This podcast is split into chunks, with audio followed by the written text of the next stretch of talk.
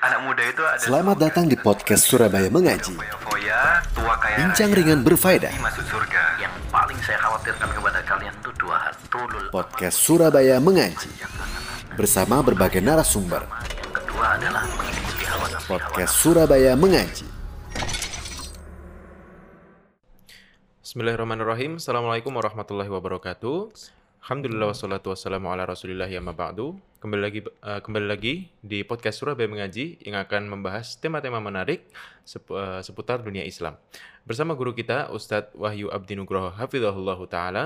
Assalamualaikum Ustadz. Waalaikumsalam warahmatullahi wabarakatuh. Gimana kabarnya Ustadz? Alhamdulillah sehat walafiat. Masya Allah. Anda gimana kabarnya? Sehat juga Alhamdulillah ya? sehat Ustadz ya. Masya Allah. Bertambah Ustadz ya. Anu apa? Berat badannya ya Ustadz ya. Alhamdulillah. Alhamdulillah. Sama, Bertambah subur. Tambah subur. Terlihat Ustadz. Masya Allah. Alhamdulillah. Ini Biasa. berkah menikah mas. Berkah menikah. Iya. Biasanya kalau sudah tambah apa berat badan itu berarti cocok Ustaz Apa aja itu? asupannya. Masya Allah. betul betul betul betul. Cocok berarti ya? Tapi Ustaz, Iya. iya. di Indonesia ini apa terkenal dengan mistisnya Ustaz ya? Salah satunya. Sampai Sudah keluar jadi negeri budaya bahkan. ya? Jadi budaya. Ustaz. Nah, karena itu impact-nya Hmm. eh, bukan sebagian mungkin banyak Ustaz ya Mm. yang takut dengan hal-hal yang mistis. Betul. seperti hantu Mm. apa contohnya seperti pocong kuntilanak ada Ya. le ada dan semacamnya itulah Mm-mm. banyak Ustadz ya nah sebenarnya pandangan Islam mengenai hantu ini gimana Ustadz silakan Ustadz Ya, masya Allah ya. Ini pembahasan yang kita berkaitan dengan budaya di Indonesia. Diakui ataupun tidak itu ada memang, ya kan? Budaya tersebut ada. Dan memang dari kecil kita, ya ini termasuk eh, mungkin karena orang tua kita dulu belum mengenal agama kan ya. Orang tua kalau misalnya anaknya main keluar malam-malam, eh jangan keluar, nanti ada gondol wewe, nah iya, diculik kamu nanti kan ya. iya Eh jangan keluar maghrib maghrib nanti kamu diculik setan, Itu setan ya kan ya. Terus kalau anaknya nakal, eh kamu nakal, nanti kamu dihantui ini loh. Dihantui, Gitu. ya. Jadi anak takut. Budaya seperti itu memang sudah ada dan bahayanya laten tersembunyi di Indonesia ini ya. Dan ini sudah menjadi hal yang beranak pinak gitu loh. Apakah ada hantu? Pertanyaannya di situ ya kan? Sampai-sampai dulu tuh kalau zaman saya SD itu ada serial movie Mm-mm. di sini ada setan. Pernah tahu? Pernah tahu. Ya kan? Ya Iya, pernah tahu. Itu sangat menggambarkan sekali bagaimana eh, di Indonesia ini begitu beragam macam setan-setan hantu ya. Ya se- se- setan alas yang ada di Indonesia sangat banyak sekali ragamnya. Ya kembali tadi apakah ada hantu itu mungkin yang lebih tepat jin itu ada apa enggak sih nah iya Iya, lebih tepat sepertinya ya kan ya iya jin itu ada apa enggak dalam Quran sering disebutkan kata-kata jin itu wa ma khalaqtul jinna wal insa Iya. illa liya'budun. Bahkan ada surat Al-Jin juga. Kemudian ada di surat Al-Ahqaf wa isarafa apa namanya? Yang di mana di situ digambarkan eh, jin itu mendengarkan Quran dari Nabi SAW. Jin itu ada. Jin itu ada. Dan jin sebagaimana kita juga makhluk ciptaan Allah Subhanahu wa taala. Nah. Ya. Dia di kita diperintahkan sholat jadi juga. Jadi eksistensinya memang tengah-tengah kita ada. Itu ada. Tapi enggak kita enggak bisa melihat mereka tidak sebenarnya. bisa satu-satunya makhluk Allah Subhanahu wa taala manusia yang Allah berikan eh, apa namanya bukan kelebihan sih ya. Allah berikan ilmu untuk melihat jin adalah Rasulullah Shallallahu alaihi wasallam. Dan itu pun tidak setiap saat gitu loh. Yang di mana ada kisah kan dulu Rasulullah SAW itu mengikat jin ifrit karena ingin mencelakai Rasulullah Nah. diikat di tiang masjid. Memang jin itu ada. Tapi apakah sama Ustaz? Kayak digambarkan di benak-benak kita itu kan ya. Iya. Sebegitu menyeramkannya jin itu apakah seperti itu Kalau digambarkan nggak ada habisnya Ustaz. Karena ada beda setan eh, hantu yang model di Indonesia, hantu model di Amerika, di sini di situ berbeda-beda beda-beda. beda-beda ada habisnya. Nah, berkaitan dengan kepercayaan seseorang terhadap hantu Ustaz. Mm-mm. Nah, apakah itu bisa menjatuhkan seseorang itu ke dalam kesyirikan? percaya gimana ini Nah, masuk eh, percayanya ke kepada rupanya seperti Hmm. Oh pocong itu memang beneran ada loh. Oh kuntilanak beneran memang rupanya dia mempercayai rupanya tersebut Ustaz. Nah itu Iya. apa bisa jatuh Ustaz? Allah Ta'ala alam tapi itu merupakan bentuk sesuatu yang apa ya mempercayai kedustaan gitu loh karena jikalau orang mengatakan bentuk rupa jin itu seperti kuntilanak Mbak Kunti ya Nah, ada oh, tapi ada dua kunti loh sekarang ini apa itu Ustaz? ada kunti putih sama kunti merah loh tahu ya itu loh jikalau seseorang mempercayai hal tersebut berarti dia mempercayai kedustaan. Tidak ada satu jadi gini kalau misalnya ada seseorang yang mengetahui yang mengaku-ngaku Mm-mm. dia bisa melihat jin ketahui itu adalah dusta. Ya. Karena jin pun tatkala menampakkan eksistensinya kepada kita Hmm. itu tidak mungkin dengan wujud aslinya. Itu loh. Ini pembahasannya sangat panjang dan saya bukan di bidang ini sebetulnya. Masya bukan di bidang ini tapi jin itu memang ada. Memang ada. dan hukumnya apa kalau misalnya kita mempercayai jin dengan bentuk pocong, kuntilanak, Allah Taala itu mempercayai kedustaan. Jadi nggak ada gunanya gitu. Nah, kalau eh, sekarang kita meyakini bahwa jin itu ada Ustaz. Mm-mm. Jin memang ada, namun rupanya memang walau alam bagaimana. Iya. Mm. Pertanyaannya sekarang, apakah jin itu bisa mengganggu manusia Ustaz? Oh iya. Atau bahkan sampai membunuh, Mencelakai, membunuhnya. mencelakai ya. Mm. Seperti- Apakah bisa Ustaz ya? Ya, di antara fatwa para ulama, memang jin itu ada yang jahat. Jadi jin itu sama seperti kita. Bahkan pernah disebutkan sama eh, Al-Amash, jin itu ada yang muslim, ada yang kafir, bahkan ada yang syiah, Oh, ada yang khawarij. Sama seperti kita. Karena jin juga mereka diberkahi oleh Allah syariat. Mereka di menjadi mukallaf, orang yang dibebani apa makhluk yang dibebani oleh syari syariat. Apakah jin bisa mencelakai? Apakah jin bisa membunuh? Bisa. Tentunya, ya. Saat kita mengatakan bisa itu semuanya tahta masyiati, masyiatillah, di bawah kehendak Allah Subhanahu wa taala. Jin membunuh manusia sebagaimana manusia membunuh manusia. Manusia. ya. Nah, Paham ya? paham. Karena sesama makhluk Allah Subhanahu wa taala nih. Ya kan? Kalau manusia membunuh manusia misalnya dengan pistol, maka jin dengan cara mereka. Dengan alam mereka itu loh. Tapi bisa membunuh kita. Sebagaimana kita juga bisa membakar jin dengan ayat-ayat Allah Subhanahu wa taala. Nah, Gitu. hanya beda cara. ya. Beda cara. Yang mengetahuinya Allah Subhanahu wa taala. Ada dalilnya apa? Yaitu tatkala Nabi Muhammad Shallallahu alaihi wasallam terkena sihir. Ada kisahnya kan? Nah. Iya. Nabi SAW itu terkena sihir kemudian dirukyah oleh Jibril alaihissalam. Dan dalil nyatanya juga ada orang yang kesurupan, orang yang kena sihir, ya kan? Bahkan di Al-Qur'an disebutkan wala yaflihus sahiru haitsu ata penyihir tidak akan menang dari mana pun ia datang.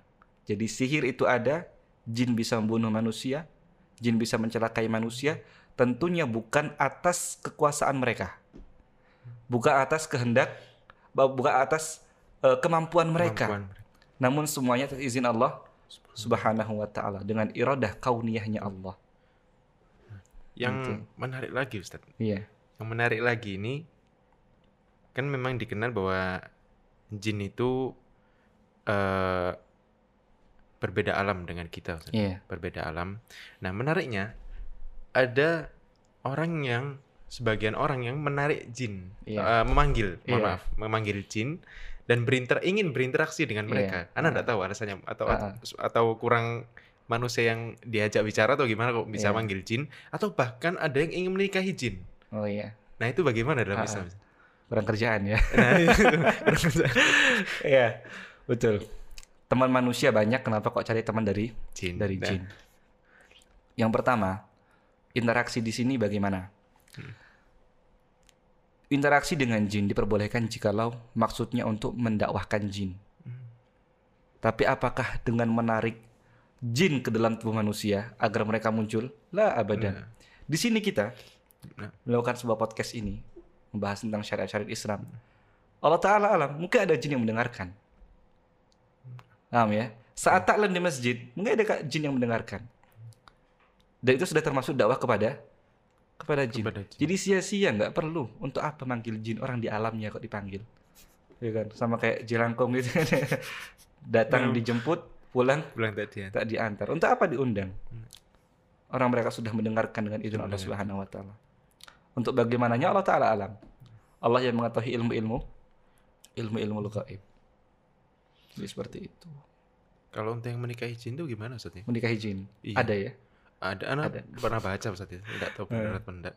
Cuman kalau sampai ada kan ya Kebangetan. ya ya gimana? Kayak kurang perempuan ya. iya, seperti kurang perempuan anak baca itu ya Allah. Masya Allah, Masya Allah. Ya, itu fenomena yang menarik di negeri kita. Ada kalau di Jawa itu terkenal nikahi peri. Jadi jin yang dinikahi itu dikatakan sama orang-orang kita sebagai peri. Ya. Ada yang menikahi Ratu Pantai Selatan, Nah, ya kan? Ada yang menikahi Nyi Blorong dan lain-lainnya. Tidak ada dalil yang soreh yang mengharamkan nikah sama jin. Hmm. Memang ada. Kejadiannya memang ada pernikahan dengan jin. Tapi para ulama tidak menyukainya. hmm. Bukan mengharamkannya. Oh, nah. Para ulama tidak menyuka menyukainya. Kenapa? Yang pertama jelas alamnya berbeda. berbeda. Allah telah menjadikan manusia berpasang-pasangan bersuku-suku, ya kan? Allah jadikan manusia dengan manusia, laki-laki dengan perempuan, perempuan dengan laki-laki. Ya untuk apa? Untuk mencari laki apa? Manusia dan dan jin. Dan jin. Tidak ada gunanya. Mudarat yang kedua, jikalau apa namanya keturunannya bagaimana? Hmm. nasabnya gimana? Contoh misalnya ya. Dan itu memang ada. Ada uh, para ulama mengatakan bahkan ada yang melahirkan keturunan memang pernikahan dengan jin. Itu bagaimana nanti nasabnya? Misalnya yang manusia adalah perempuan. Suaminya adalah jin. Hmm. Kemudian menikah, melahirkan anak. Anaknya kema- ke mana? Nasabnya, Nasabnya, ya kan? Iya. Dan rentan terjadi zina. Zina. Misalnya gini, ada orang hamil nih. Nah. Kan kalau dalam masyarakat kita orang perempuan hamil di luar nikah kan masih dianggap tabu ya. Alhamdulillah masih dianggap tabu lah. Kemudian dia berdalil, aku sudah nikah kok sama jin penunggu ini, gitu kan ya. Oh, Jadi jadikan dalil, sama dalil. mereka. Hmm. Aku sudah nikah kok. Ini bukan bukan MBA. Apa MBA? Married by exit. Ya itu kan. Ini bukan MBA. Aku sudah nikah kok. Sudah akad kemarin Sudah kok. akad. Sama siapa? Itu jin penunggu lawu. misalnya kan. Sepertinya itu antara dalil dengan dalil. Ustaz. Maka dalil ya, bukan dalil ya. Iya. dalil makanya itu. Mudaratnya sangat banyak. Sangat banyak. Pernikahan dengan jin ada, namun para ulama tidak menyukainya. Begitu. Nah, di dalam Islam itu kan ada yang namanya takut al khauf. Ya al khawf. Berkaitan sama takut ini jika, jika dikaitkan dengan takut kepada jin, Hmm. semisal kita di apa tinggal di satu tempat, terus eh, dengan izin Allah eh, jin dapat mengganggu kita di malam hari ketika kita bangun, dan lalu kita takut. Apakah takut yang seperti ini tuh membahayakan akidah kita atau Iya. bagaimana Ustaz? Iya. Jadi perlu ada perincian takut kepada jin itu.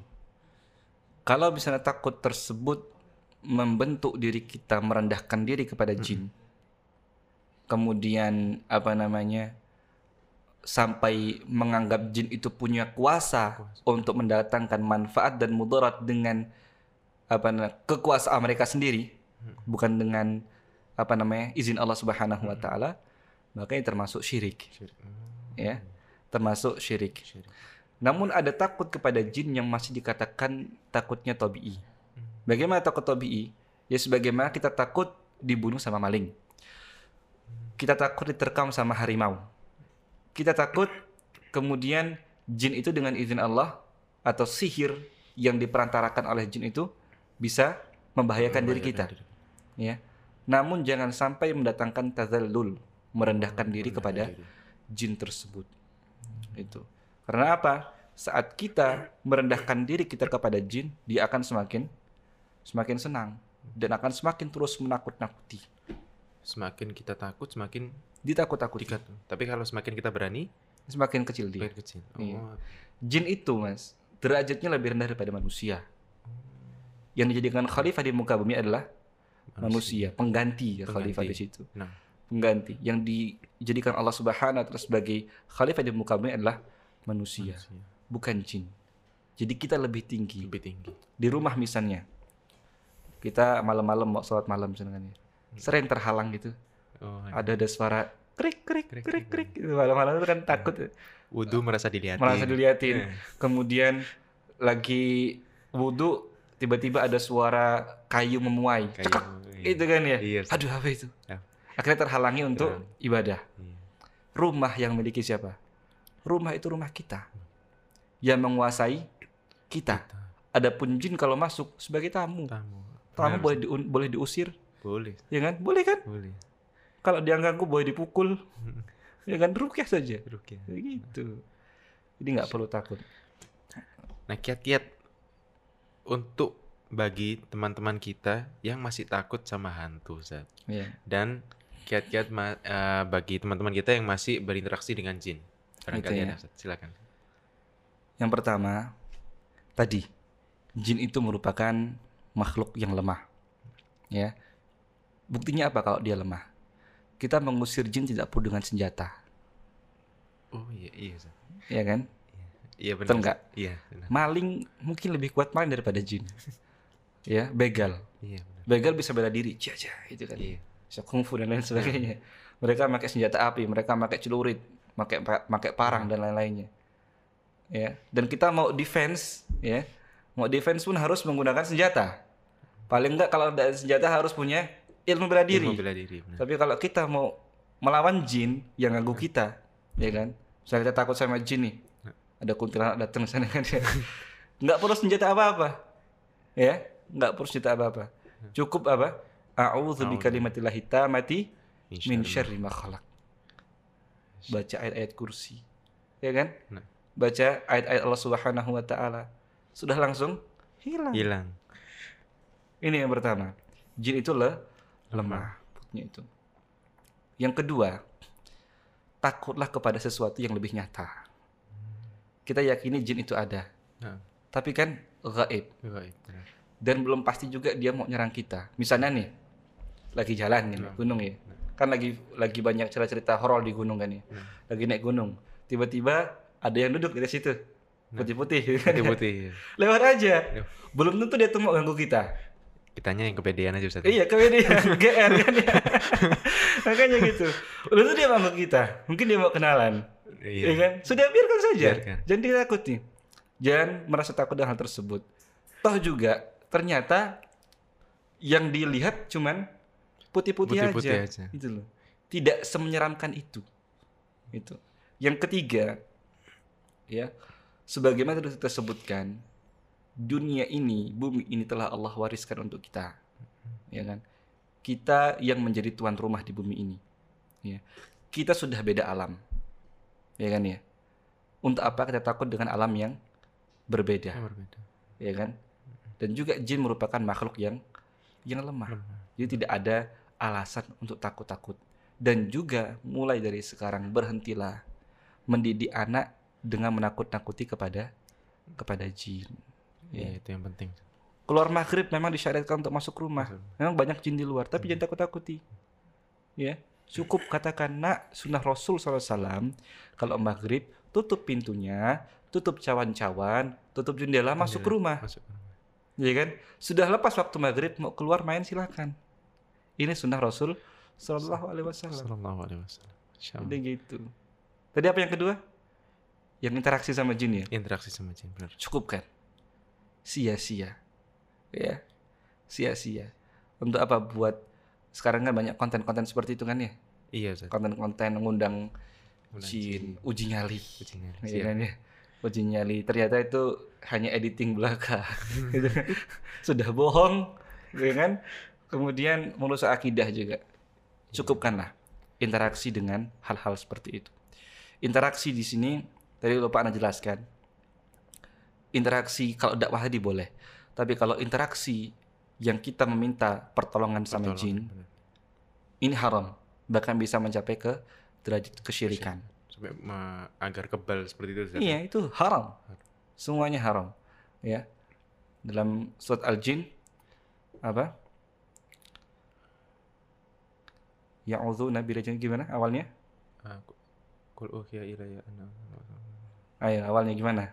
itu awalnya Ustaz. Kul Wa uhiya ilayya rijalun minal jin Oh, minal insi minal jinni jinni, fazaduhum rahaqa. rahaqa. Ada di antara manusia minta perlindungan dari jin. Ya. Apakah jin memberikan perlindungan? Fazaduhum rahaqa.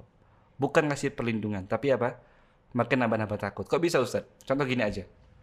Gimana kok bisa orang minta pertolongan sama jin bukan ditolong malah nambah takut? Saat kita misalnya tapa mau nyari jimat, ya kan ya? Atau pergi ke dukun minta ilmu kebal. Bukannya kita malah merasa aman, tapi senantiasa merasa takut. Kok bisa? Karena apa?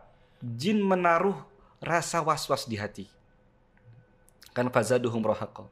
Akan ditambah rasa takut. Rasa was-was. Kalau keluar pasti isi dalam hatinya ada nggak orang nyerang aku ya? Ada nggak orang nyerang aku ya? Pasti itu, ya. Dan Allah tatkala mendapati seorang hamba yang menggantungkan dirinya kepada sebuah ajimat dan lain-lainnya, maka Allah akan gantungkan perkaranya ke dia.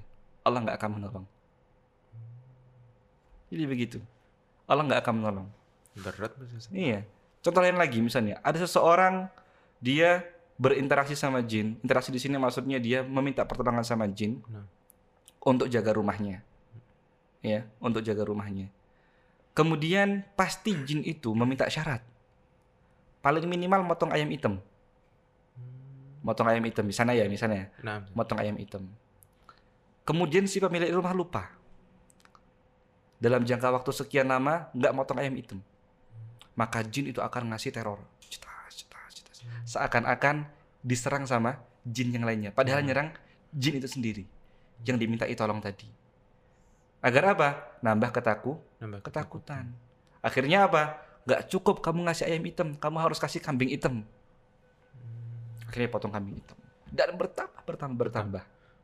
Sampai anak pernah dengar nggak Hmm. tahu eh, menistakan Al-Qur'an itu di Iya, sampai derajat seperti itu. menistakan Al-Quran. Semakin tinggi dia menghinakan syariat, maka jinnya akan semakin besar. Semakin besar. Iya, semakin besar. Jadi seperti itu. Tep. Pembahasan jin memang perlu waktu yang Lama. Bahkan lama. eh, di antara para imam mengatakan kalau misalnya kita menulis tentang jin, Nah. itu tebalnya sampai kayak kita bulughul maram, Mas. Iya. Kitab tentang jin itu kalau ditulis tebalnya sampai kayak kita bulughul maram. Sangat tebal. Sangat tebal. pembahasannya sangat panjang. Nah sebenarnya saya bukan di bidang ini, ya. saya saya mengatakan apa yang saya ketahui sesuai dengan dalil dan Quran dan Sunnah. Masya Allah. Gitu. Jazakumullah khair Ustaz atas penjelasannya. Tuh. bagi saudara-saudara kita yang berada di rumah, berada di atau yang menonton podcast ini, kami ingatkan untuk jangan takut kepada hantu karena semakin kita takut semakin hantu berani. Gimana Ustaz ya? Iya, Dan semakin kita berani maka hantu semakin ah, jin semakin takut. Mohon maaf Iya. saya ganti ya. jangan hantu Iya, ya. hantu. Ya, Jinnya bahkan takut. Salman Al Farisi diperintahkan Nabi untuk membunuh membunuh jin yang itu ada di berhala kan ya, Nah, di berhala diperintahkan. Jadi bisa kita tebas itu. bisa. jangan takut tetap apalagi sampai membatalkan sholat malam, Malam. Sampai ibadah malam Eh, jangan. itu bahaya. Sekarang ada Bahaya. film lagi itu tadi balik ke film Mok yang kita pernah kita bahas. Hmm, Ada film apa namanya Makmum. Pernah lihat? trailernya aja. Iya trailernya itu Iya. bahaya itu. Lagi sholat malam Allahu Akbar. Ah, Was was kan seakan-akan ada orang. Ya. Tapi kalau itu muncul lagi sholat malam misalnya ada ketakutan ada ada ada yang jadi makmum gaib lanjutkan sholat. Lanjut aja. Syukuri. Ada makmum Ada makmum. sendiri. iya. Jadi gitu. Masya Allah. Masya Allah. Jazakumullah khair Ustaz. Dan jangan sampai takut. Kita cukupkan saya eh, kita cukupkan sampai di sini Ustaz. Iya. Ya, kita tutup dengan doa kafaratul majelis. Subhanakallahumma Subhanakallahumma bihamdika asyhadu an la ilaha illa anta astaghfiruka wa atubu ilaik. Assalamualaikum warahmatullahi wabarakatuh. Waalaikumsalam warahmatullahi wabarakatuh.